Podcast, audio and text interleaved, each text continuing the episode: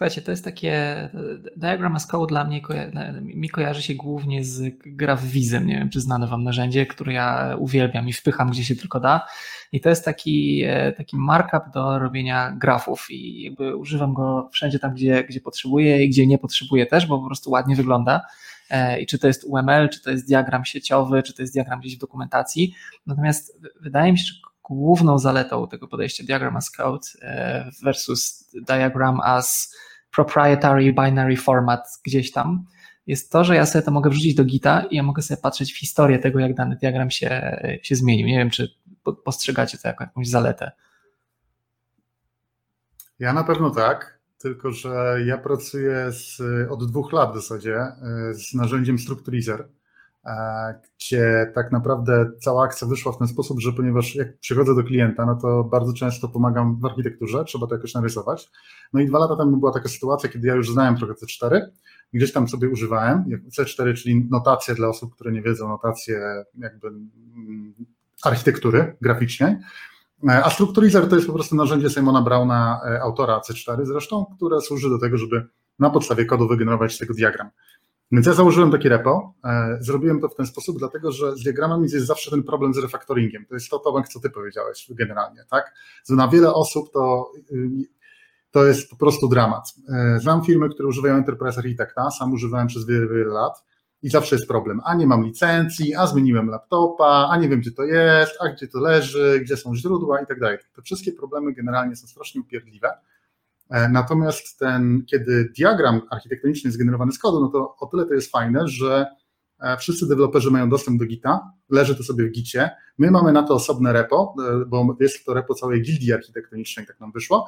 A jeśli ktoś ma pojedynczy system albo monorepo, to może tam generalnie po prostu w podkatalogu sobie wrzucić i builduje się to po prostu i produkują się te obrazki jakby live w trakcie build, znaczy w trakcie builda to sobie można ustawić albo przy e, Gradle Run po prostu wywołując i się to tworzy.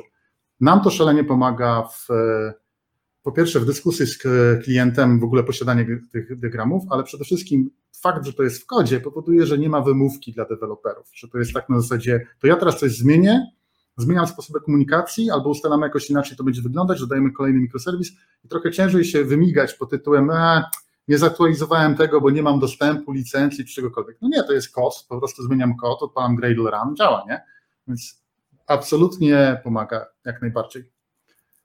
A, a, wiecie, co mi tu jeszcze jedna rzecz przyszła do głowy? Znaczy, mnie krew zalewa, kiedy widzę, gdy ktoś podczas spotkania albo podczas pracy cyzeluje każdy piksel w tym diagramie. To znaczy, tu sobie rzucił, to może być diagram klas, to może być diagram nie wiem, komponentów, to może być diagram serwerów, cokolwiek i dba o to, żeby były odpowiednio poukładane, po polsku polejautowane e, rzeczy i zamiast zajmować się pracą, no to tutaj mu się kreska rozjechała, tutaj coś tam jest nie tak, nie, nie, nie tak wyrównane, jak być powinno, e, a kiedy używam takiego narzędzia jak Graphis, to po prostu mówię mu, opisuję e, trochę jak w SQL-u, opisuję problem i nie dbam o to, jak on zostanie rozwiązany. Po prostu graf mi się rysuje i jest odpowiedni silnik, który, który o to dba. I to jest dla mnie takie bardzo inżynierskie podejście, tak jak przez wiele lat kłóciłem się, czy spację, czy tabulację, teraz po prostu edytor używa tego, czego używał poprzedni deweloper w danym pliku. I tak szczerze mówiąc, to w sumie nie obchodzi mnie, czy w całym projekcie są taby, czy spacje. Ważne, żeby w jednym pliku ich nie mieszać i to robi za mnie edytor i kod formatuje mi edytor ja się tymi rzeczami nie zajmuję. E, I to jest dla mnie też taki, taki, taka super zaleta tych narzędzi, że tam nie ma przycisku layout, przynajmniej w tych, które ja znam. E, no właśnie. Diagrams albo YAML me. E, tam nie ma przycisku e, ustaw layout w taki czy w inny sposób, on się po prostu robi. Albo mam trzy do wyboru i nie mam na to nawet wpływu.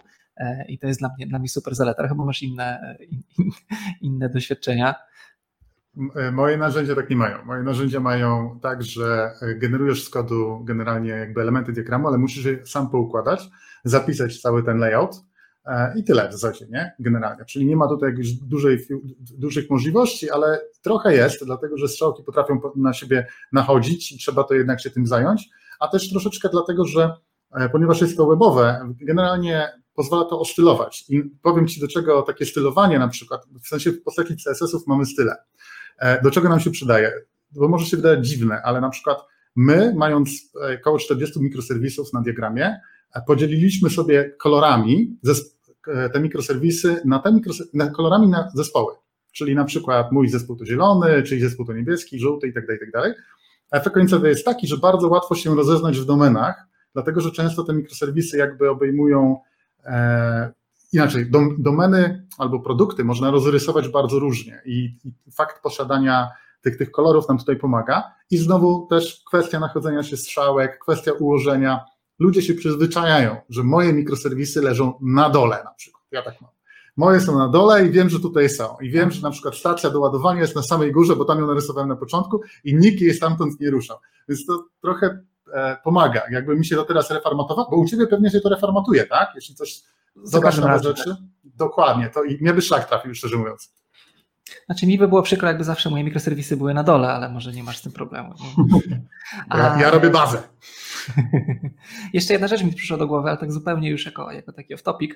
Jeżeli kolorujesz usługi jako, jeżeli kolorujesz usługa, usługi zespołami, czy tam bound kontekstami, i, a strzałki pokazują powiązania, to ten graf w taki naturalny sposób powinien się sklastrować, prawda? To znaczy pewne kolory powinny być w jednym miejscu, a pewne kolory powinny być w innym miejscu, bo to w naturalny sposób pokazuje te, tak. te zależności. I jeżeli nagle ci się robi e, taki, taki pikselowy szum, że jest wszystko wszędzie, w sensie te kolory się tak rozjeżdżają po całym wykresie, E, po, po całym diagramie, to to jest taki wizualny wskaźnik, że coś jest chyba nie tak z tą architekturą, ale to jest zupełnie niezwiązane nie, nie związane z, z, naszym tematem.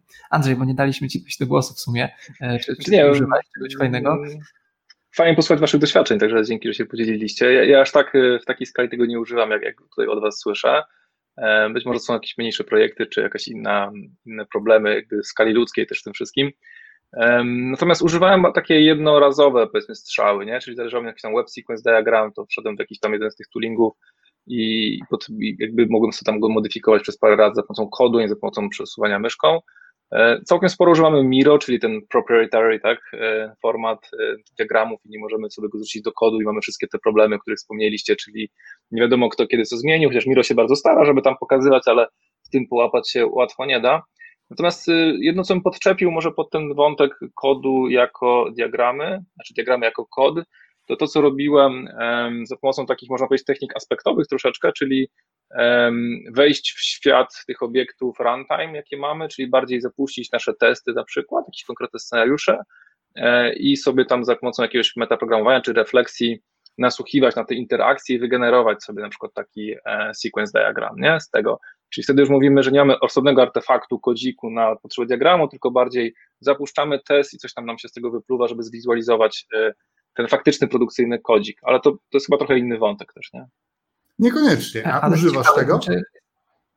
czy używam? Bardzo sporadycznie. No to nie jest jakaś powszechna praktyka i tak bardziej na zasadzie ojej, co tu się w ogóle w tym wszystkim dzieje, to właśnie opłaca się klepnąć te parę linii skryptu, żeby w tym projekcie zobaczyć to całe flow, nie? I to, ale to nie jest coś takiego, co by tam miało nie wiadomo jak krążyć po zespole, czy coś w tym stylu. To, mi kiedyś e, przypomina, dawno temu powstało takie narzędzie do badania pokrycia kodu testami Jacoco, już bardzo stare teraz. E, I tam nagle pojawiła się taka koncepcja, że ponieważ to jest agent, czyli de facto powiedzmy, że programowanie aspektowe w Javie jakoś tam zrealizowane, to że nic nie stoi na przeszkodzie, żeby podpiąć go nie w trakcie fazy testów jednostkowych, tylko żeby zapiąć go na produkcji E, i dowiedzieć się, czy ten, czy ta funkcja, czy ten moduł, czy ten pakiet z tysiącem klas jest w ogóle kiedykolwiek używany. E, tak. I bardzo często jakby po miesiącu okazywało się, że ten feature, który na dodatek e, pisaliśmy po nocach w pocie czoła, ponieważ klient wymagał, on jakby nigdy nie został nawet dotknięty poza naszym smoke testem tuż po wdrożeniu. E, i, I, to też była bardzo, bardzo fajna wiedza.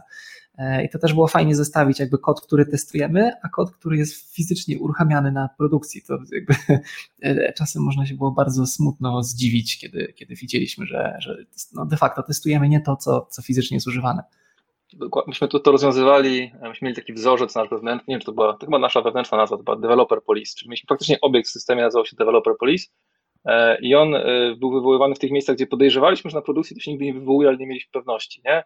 Jeśli się wywołał, to, to jakby taka, to można powiedzieć, że notyfikowało to tam programistów na jakieś sposoby, że są takie specjalne logi, żeby informować, ojej, tu się wywołało coś, co myśleliśmy, że się nie, nie będzie wywoływało. Nawet kiedyś pracowaliśmy sami nad takim własnym produktem wewnętrznym, który dokładnie to, to miał robić, czyli wyszukiwać dead code. Nie? E, ale już chyba w międzyczasie takich narzędziówek powstało, tak mi się wydaje. Więc... I jakby outputem jak najbardziej może być też wtedy diagram, nie? że nagle coś tam się wywołało, nagle dowiedzieliśmy się skąd. Tak, no, tak już trochę podsumowując temat, wydaje mi się, e, nam jako deweloperom wszystko, co jest as code, jakby nas jara i nam się podoba właśnie dlatego, że jest wersjonowalne, jest w tekście i nie trzeba się zastanawiać nad tą takim aspektem wizualnym. Zresztą ja jakby polubiłem, albo polubiłem bardziej pisanie dokumentacji wtedy, kiedy jakby od momentu, kiedy nie robię tego w Wordzie albo w jakimś innym okropnym formacie, tylko robię to w Markdownie albo w ASCII-doku. Nie? Nagle okazuje się, że można mieć piękną dokumentację i wygodny, e, wygodny workflow, taki, że po prostu sobie piszę w zwykłym tekście i, e, i, i, i nie bujam się z jakimiś tagami HTML-owymi czy coś w tym rodzaju. E, I to jest jakby naturalna, naturalna konsekwencja tego, to znaczy teraz możemy również robić diagramy i, i definiować deklaratywnie, jak one mają wyglądać, a, a niekoniecznie niekoniecznie bawić się w jakieś takie szczegóły implementacyjne. E, albo kosmetycznie, tak jak Kuba wspomniał, e, żeby zrobić to raz a dobrze. To może ja jeszcze dodam, jak e, my z tego korzystamy, bo mamy trochę bardziej chyba skomplikowaną sytuację. Um, dlatego, że poza diagramami w C4, czyli takimi właśnie typowymi diagramami statycznymi mikroserwisów, kontenerów, mikroserwisów, czyli komponentów kontenerów i tam całego kontekstu, chociaż on jest niepotrzebny nikomu, to poza tym używamy właśnie Web Sequence Diagrams oraz drugiej strony, którą też mogę polecić, e, która jest trochę, moim zdaniem, ostatnio stwierdzam, że jest trochę fajniejsza, czyli sequencediagram.org.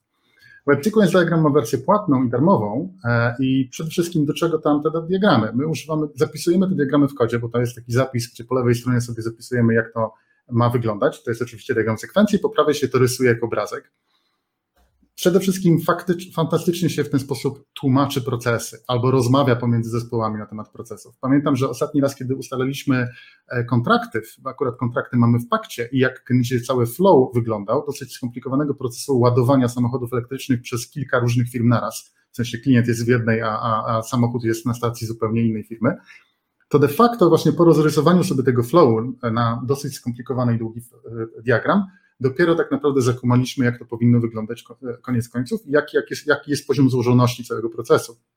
I teraz to, że on jest w kodzie, powoduje, że faktycznie łatwo się to refaktoruje, robi się y, bardzo łatwo robić odstępstwa, czyli zobaczyć, OK, a jakby było, gdyby to było tak, my de facto nam bardzo szybko wyszło, że potrzebujemy dwóch diagramów, na przykład do samego procesu ładowania, gdzie jeden pokazuje, jak to by było idealnie, a drugi pokazuje ze względu na obostrzenia pewnego systemu, który musi być synchroniczny, a nie asynchroniczny, jak to my de facto musimy zrobić, żeby to obejść i dlaczego. I, po prostu powstała w ten sposób bardzo ładna dokumentacja decyzji tak naprawdę architektonicznej, gdzie widać pięknie na diagramie, dlaczego to jest tak dziwnie, coś, co wygląda na pierwszy rzut oka dziwnie, e, ale jak powinno być, gdyby, gdyby ten system już przestanie być e, synchroniczny i będzie mógł być asynchroniczny i gadać przez kawkę.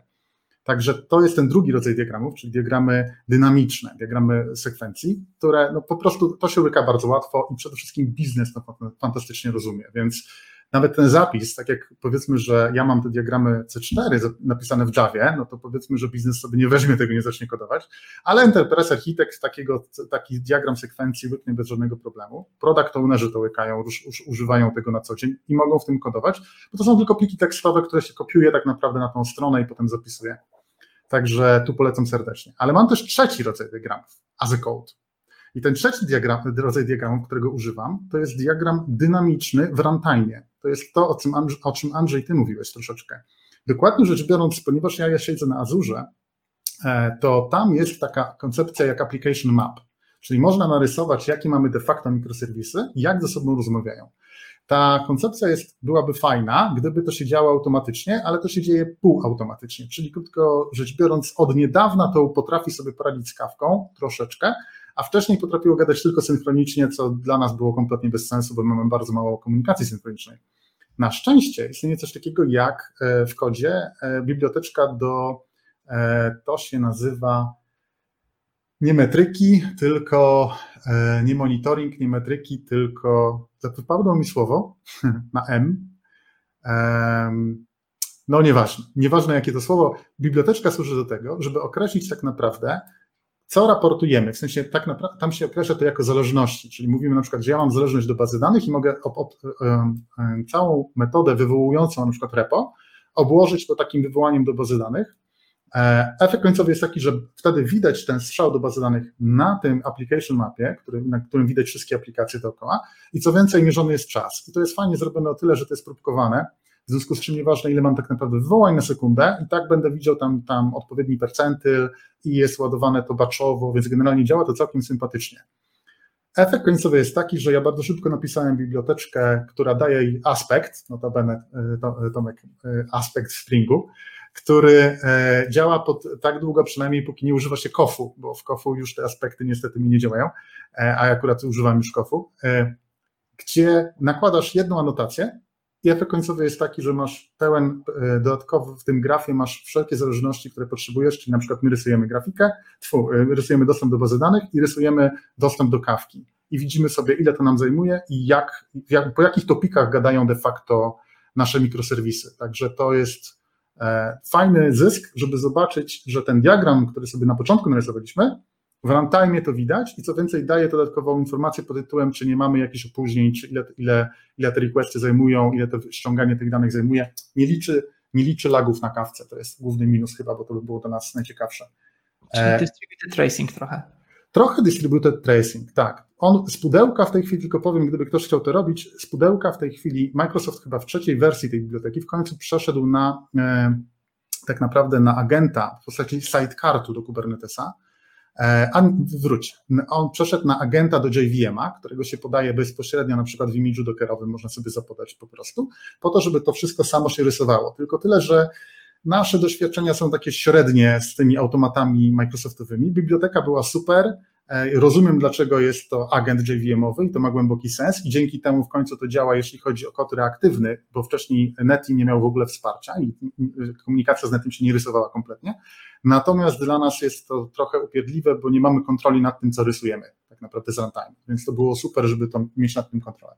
Także to jest ostatni, trzeci rodzaj diagramów as a code w tym momencie, chociaż de facto nie kodujemy sam diagram, tylko kodujemy bibliotekę do tego, żeby diagram powstał z naszego prawdziwego kodu. Ale tutaj chcę dodać jeszcze kilka rzeczy, bo to nie jest taki prosty temat, który można już zamknąć, moim zdaniem. Po pierwsze, e, są minusy. Są minusy takiego podejścia, gdzie jest diagram as a code. E, dosyć. Plusy nie przesłoniły wam minusów. Do, dokładnie tak. Więc przede wszystkim minus, który ja widzę, jest taki, że e, nie pomaga to w prototypowaniu. Okay? Prototypowanie nadal to jest, wolimy wziąć w tym momencie jakiegoś whiteboarda, może być zdalny, na przykład Microsoft ma whiteboarda, który nawet działa, chociaż na macOSie średnio, i, e, i sobie tam rysować tak naprawdę to, co chcemy zrobić, jak, jak, jeśli mamy, zwłaszcza jeśli mamy sytuację z skomplikowanymi read modelami, topikami, generalnie ta cała komunikacja zaczyna się nam robić dosyć skomplikowana, bo procesy bywają duże, e, więc wtedy łatwiej jest zdecydowanie rysować. I co odkryliśmy? E, po pierwsze, odkryliśmy, że ja mam tablet, e, na, który ma piórko, rysik, taki ekran dotykowy i na tym się fantastycznie rysuje. E, dla mnie to działa bardzo dobrze, dlatego że ja na tym też uczę architektury i, różnych innych szkoleń, więc ja muszę to mieć, żeby móc, że tak powiem, wygodnie poprowadzić, mówić i rysować studentom, którzy się mnie uczą. Natomiast moi koledzy zainwestowali w zupełnie inne urządzenie, które w końcu ja też zainwestowałem, czyli w taki klasyczny tablet do rysowania do, podpinany do komputera. My tu mamy wszyscy Maki, więc akurat na Macach jesteśmy, e, który kosztuje, ten kosztował 70 zł na przykład e, z AliExpressu, a koszt, tak zwane, jest piękna firma, która ma wspaniałą polską nazwę Hujon, e, która produkuje te tablety zaczynające się bodajże od 160 zł i to działa generalnie. Jest trochę gorzej niż takim tabletem, który ma ekran, ponieważ trzeba się przyzwyczaić, natomiast w momencie, kiedy wszyscy kupili, znaczy wszyscy, kiedy dwie osoby kupiły te tablety, no to mogę powiedzieć, od razu nas, nas kusi, żeby przejść do tej tablicy wirtualnej i zacząć rysować to, co chcemy obgadać. Więc samo posiadanie narzędzia powoduje, tak jak kiedyś, jak, jak whiteboardy były w biurze, to teraz tam dzięki temu, że mamy te narzędzia, jest dużo łatwiej w tym momencie, e, czekajcie, czekajcie, to ja wytłumaczę, o co mi chodzi. I od razu rysujemy je bardziej naturalnie. Ja bez ołówka generalnie nie umiem programować i okazuje się, że takie tablety właśnie za 70 zł albo 160 zł firmy Hujon są absolutnie wystarczające do tego, żeby, żeby sobie dalej um, jakby szkicować i rozmawiać o architekturze. I dla mnie to jest jeszcze tyle ważne, że chociaż ja uczę i da, przygotowuję takie repo zawsze do architektury, kiedy uczę architektury i pokazuję właśnie takie, jakby ćwiczymy tą architekturę robiąc ją w kodzie, to jednak ludzie troszeczkę narzekają, że no tak, ja to muszę zrobić w kodzie, to niby jest bardzo prosta Java, de facto to jest jedna linijka na połączenie, jedna linijka na deklarację jakiegokolwiek mikroserwisu, boxa czy coś, ale nie ma tej przyjemności z tego, że sobie rysujemy, gryźmolimy i tak dalej. Więc ludzie przechodzą raczej do tego, żeby wziąć jakiekolwiek inne narzędzie whiteboarda, naszkicować cokolwiek, a potem przerzucić to dopiero do kodu. I wtedy to wygląda dobrze. Ja, ja mam pytanie, trochę adwokata diabła gdzieś tam będę e, pełnił rolę. Cieszę się Tomek, że e, wspomniałeś Jacobo, bo to są mniej więcej moje lata, kiedy jeszcze programowałem. E, a pytanie do Was, kiedy tworzyć te diagramy? Jakby przed, bo to trochę nawiązanie Kuba do Ciebie, nie? Czy przed jako jakby to, co architekt miał na myśli, czy jakby już w trakcie kodowania, gdzie ta architektura, czy ten, ten, ten flow może się i te zależności mogą się zmieniać, nie? A drugie pytanie, które się gdzieś tam z tym wiąże poniekąd, jak sprawić, żeby to było aktualne, nie? No wiadomo, to jest jakby tam dodatkowy jakiś tam effort dewelopera, nie? I czasem są kultury organizacji takie, że ciężko wymusić, nie wiem, testowanie, nie? A tutaj jeszcze dochodzi dokumentacja, która często jest y, odbierana y, trochę tak y, mało fajnie, nie? Przez niektóre grupy programistów, nie? Więc jak to do tego podchodzicie wy w swoim ja, ja może zacznę i powiem, że to jest właściwie główne, to pytania, które zadałeś są takie fajne, bo z pewną tezą mam, mam wrażenie ukrytą, e, ale ja, ja, ja tą tezę odczytuję tak, że, że to jest strasznie trudne, nie? że jakby to, to cała synchronizacja, mm, utrzymywanie tego, żeby pilnować, żeby to się nie stało jakimś procesem albo jakimś artefaktem, który ludzie będą przeklinali, to, to był chyba powód, dlaczego u nas to się nigdy specjalnie nie przyjęło na przykład, nie? I to jest takie bardzo sporadyczne, na jedno strzały, i o ile bardzo kupuję te argumenty, że to jest fajne, na przykład w kontroli wersji i tak dalej, to prawdopodobnie pracuję przy mniejszych projektach niż tutaj koledzy, natomiast e, w naszych projektach chyba byśmy nie chcieli mieć tego dodatku, nie? I to jest tylko takie jedno strzały dlatego. Znaczy wiesz, jeżeli w ogóle nie potrzebujesz diagramów, nie? Raczej, nie? Przynajmniej w Railsach to tam produktywność się mocno liczy, nie? Więc każdy dodatkowy effort to już nawet 2%, no to już sporo. Tak, jeżeli w ogóle nie potrzebujesz diagramów, to w ogóle ich nie potrzebujesz, ale jeżeli już ich potrzebujesz, no to pytanie, czy wolisz je mieć w PNG, gdzie źródeł dawno już nikt nie ma i potem w Paincie poprawiasz strzałki, bo tak jest szybciej niż rysować od nowa, czy po prostu dodajesz jedną linijkę tekstu w którymś miejscu i tu się samo tam przebudowuje, nie? No i wtedy to jest jakby e, ewidentny, e, ewidentna korzyść. E, więc też perspektywy utrzymania, jakby jeżeli ja dodaję połączenie między dwoma komponentami, usługami, cokolwiek i z jednej strony widzę jakiegoś e, potwornie skompresowanego JPEGa, e, którego muszę zaktualizować, a z drugiej strony widzę coś, co wygląda prawie jak kod, bo ma napisane komponent 1, strzałka, komponent 2 e, i wiem, jak dodać nową strzałkę, bo to jest w sumie oczywiste, nawet jeżeli nie znam tego formatu, no to aż chce się zaktualizować tę dokumentację, nie? W sensie jakby mam trochę większą, e, większą, większą motywację do tego. A co do pierwszego pytania, ono też było mocno, znaczy nie wiem, czy było z tezą, ale to nie było pytanie o, o, o diagramy i o to, czy robicie w kodzie i, i jak, no to było pytanie, czy najpierw projektować system, czy najpierw go napisać, a potem udokumentować to, co zaprojektowaliśmy. No i to już na pewno jest trochę pytanie z tezą. E, przy czym ta jest taka, że zawsze, znaczy jakby nie, nie, nie opowiadam się za żadną ze stron tak naprawdę. E, oczywiście trzeba zacząć od pobazgrania po tablicy, czy nawet na tym e, chujonowym tablecie, który, mhm. który nie wiem, czy jakiś link afiliacyjny zaraz wyślę do niego. Więc oczywiście fajnie jest sobie coś pobazgrać po to, żeby mieć w ogóle jakieś pojęcie, co my robimy przynajmniej tak z lotu ptaka. Potem sobie coś poprotypujemy, e, potem możemy sobie doprecyzować ten nasz diagram, jakby no, taki typowy agile, nie? Jakby nie, nie, nie widzę tutaj żadnego, żadnego problemu. Natomiast najpierw sobie prototypujemy, czyli sobie bazgramy i widziałem takie sytuacje, że zdjęcie whiteboarda wykonane jakimś badziewnym telefonem potem ląduje w dokumentacji e, jeszcze z kiepskim światłem i w ogóle jeszcze czyjś palec widać no ale nie chcemy wchodzić z prototypami na produkcję i tak jak nie chcemy wchodzić z prototypami na produkcję, no tak warto by jednak te dokumentacje trzymać w takim sensowniejszym trochę e, formacie gdzieś tam, e, żeby się jej potem nie wstydzić. Nie, ja nie mam nic, nie, jakby, nie ma w tym nic złego, że, że masz takie hamskie zdjęcie gdzieś po prostu wrzucone do swojego repozytorium czy do Confluenza. Nawiasem mówiąc, słyszałem też takie powiedzenie, że Confluence to jest miejsce, gdzie wiedza idzie umrzeć i mam dokładnie takie wrażenie, bo to jest po prostu sobie takie takie coś gdzieś, takie wiki, kto się czasem uzupełnia, ale w większości sytuacji o nim nie pamiętamy. E, I stąd też mój entuzjazm do trzymania rzeczy właśnie w Markdownie, ASCII-Doku, e, diagramów w takiej postaci e, machine readable, tak to nazwiemy, bo ją chce się aktualizować. Ona nawet czasem działa z refaktoringiem. Nie zmieniasz nazwy klasy i przez przypadek zmieniasz nazwę klasy na diagramie, bo masz zapisanego gdzieś obok w kodzie. Więc jakby jeżeli to jest jedyna forma dokumentacji, to zdjęcie tablicy czy zdjęcie whiteboardu, ok, ale jednak wolałbym to mieć w takiej formie, która potem będzie lekko strawna dla, dla, dla, dla przyszłych użytkowników. Tak po prostu, no tak jak kwestia tego, czy zostawisz syf w kodzie, czy zostawisz ładnie zrefaktorowany i przetestowany. Nie, ja tu widzę jakąś analogię, bo jedno i drugie jest jakimś produktem tego, co my wytwarzamy. Jeżeli potrzebujemy tej dokumentacji, nie, czasem nie potrzebujemy, czasem nie potrzebujemy testów, bo, bo tak super prototypujemy, ale jak już, no to zróbmy to e, na tyle dobrze, na ile potrafimy. To, to ja może dodam, jakie są moje doświadczenia z tym, bo e, wydaje mi się, że przede wszystkim e, będzie ta dokumentacja bardziej aktualna przy dwóch warunkach. Po pierwsze, wtedy, kiedy ona będzie przydatna i e, będzie przydatna wtedy, kiedy faktycznie jej używamy przy rozmowach, e, czy na stand-upie, czy tak jak my mamy gildię architektoniczną i mamy kilkadziesiąt osób, więc generalnie po prostu musimy mieć jakieś miejsce, gdzie żeby być na tej on the same page, tak, kiedy rozmawiamy o architekturze. E, czy też po prostu idzie to w, dokument, w dokumentacji oficjalnej. Ta gildia, której, o której ja mówię, akurat piszemy sobie takie rzeczy jak na przykład IT Strategy, czyli taki dokument, który określa cały rok w zasadzie, jeśli chodzi o IT. Nie, nieważne, że go aktualizujemy co pół, bo wszystko się zmienia, ale, ale jest to potrzebne ze względu na, na stakeholderów, no i po prostu tam te diagramy też trafiają, co więcej są drukowane, chociaż jak często to nie wiem. E, I trafiają na ścianę po prostu w biznesie, więc jak, jak diagram jest podstawą do rozmowy i pomaga się dogadać, czy z klientem, czy pomiędzy nami, deweloperami, to, to, to będzie bardziej aktualne. Ale to nie wystarczy. Druga sprawa jest taka, żeby było jak najłatwiej.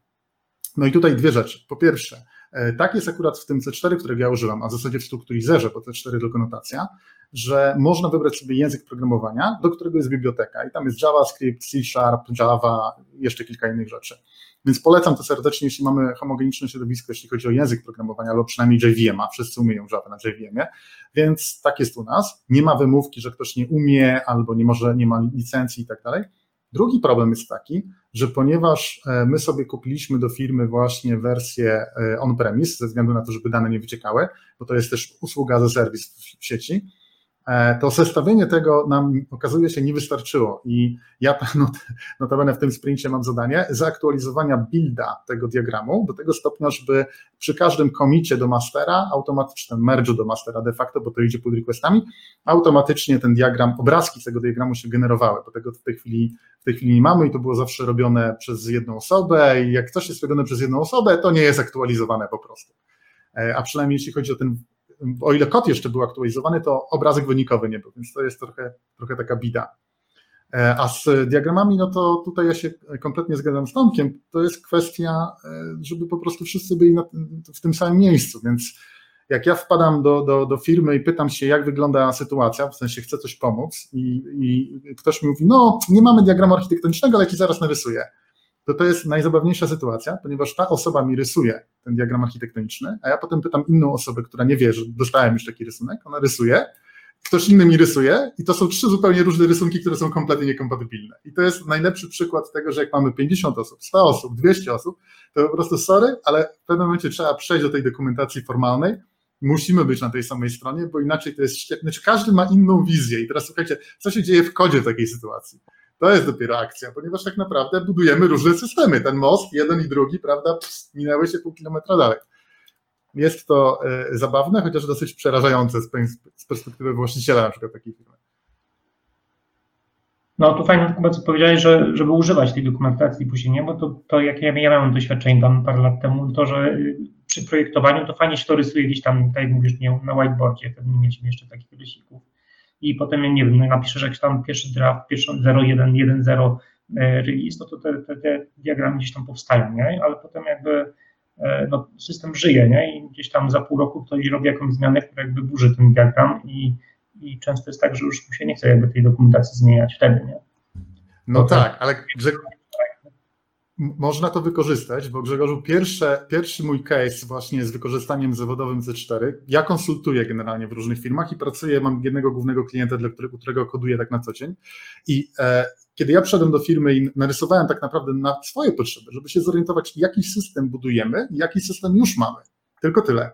Więc jak już wziąłem drugiego dewelopera, zajęło nam to tam tydzień czy dwa tygodnie czasu, żeby wszystko posprzątać, pogarniać, narysowaliśmy te diagramy i wysłaliśmy je na taki adres, tak jak w Allegro to się nazywało IT All bodajże, czyli po prostu do całego IT, gdzie de facto w dzisiejszych czasach, to jest fajne, jest cała firma. W sensie już nie ma czegoś takiego jak IT i część biznesowa, bo, bo cała firma jest IT, w sensie bez IT ta firma nie istnieje. Efekt końcowy jest taki, że y, cztery minuty później dostałem maila od product ownera jednego zespołu, który mi napisał wow, pracuję tu od dwóch lat i pierwszy raz zrozumiałem, jak ten system wygląda, jak ten system działa. I to nie, było, nie były takie mrzonki pod tytułem fajny obrazek, tylko on mówi, teraz rozumiem, dlaczego niektóre feature'y, które ja chcę, są skomplikowane i znaczy zajmują długo czasu, ponieważ na przykład przechodzą przez pięć zespołów i siedem różnych mikroserwisów, a niektóre są takie po prostu, że ja myślę, że to będzie skomplikowane, a oni mi to robią na jutro. Dlaczego? Bo jeden zespół grzebie w swoich własnych mikroserwisach, feature prosty, nie? Także e, jak się wykorzystuje na tych wszystkich spotkaniach, to jest super. I polecam zwłaszcza, bo o ile do notacje C4 to trzeba się nauczyć 15 minut, o tyle diagramów sekwencji to prawie każdy deweloper rozumie. Polecam do rozmawiania z product ownerami, do, do e, obgadywania e, wszystkich procesów. Diagramy sekwencji są fantastyczne i jak mamy je przygotowane as a code w jakimś katalogu, to się da to super wykorzystać. U mnie działa bardzo fajnie, ale też wiem, że w innych zespołach w tej firmie jak, jak ich zapytałem, to mówią, tak, tak, tu mam, tu mam katalog generalnie w Gicie, gdzie masz, e, gdzie masz wszystkie nasze diagramy i generalnie tym gadamy z product ownerem, bo inaczej byśmy się nie dogadali. Więc super.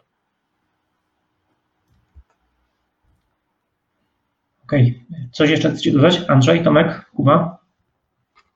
E, ja tylko dodałem link, mam nadzieję, że on się pojawi gdzieś w jakichś notatkach naszej rozmowy. Visserial, narzędzie od Netflixa, które wizualizuje ruch między usługami. E, także jego wolumen oraz błędy. No to tak a propos tego, co Kuba mówił parę minut temu. W sumie tyle. Ja też może do linków e, dorzucając e, to, co Jakub nazwał tym runtime'owym widokiem, znaczy tym runtime'owym spojrzeniem na tę aplikację, to w świecie rubiowym Skylight jest bardzo fajnym narzędziem, które, które pozwala tam się wpiąć w runtime, to jest taka zewnętrzna usługa i daje potem fajne wykresiki.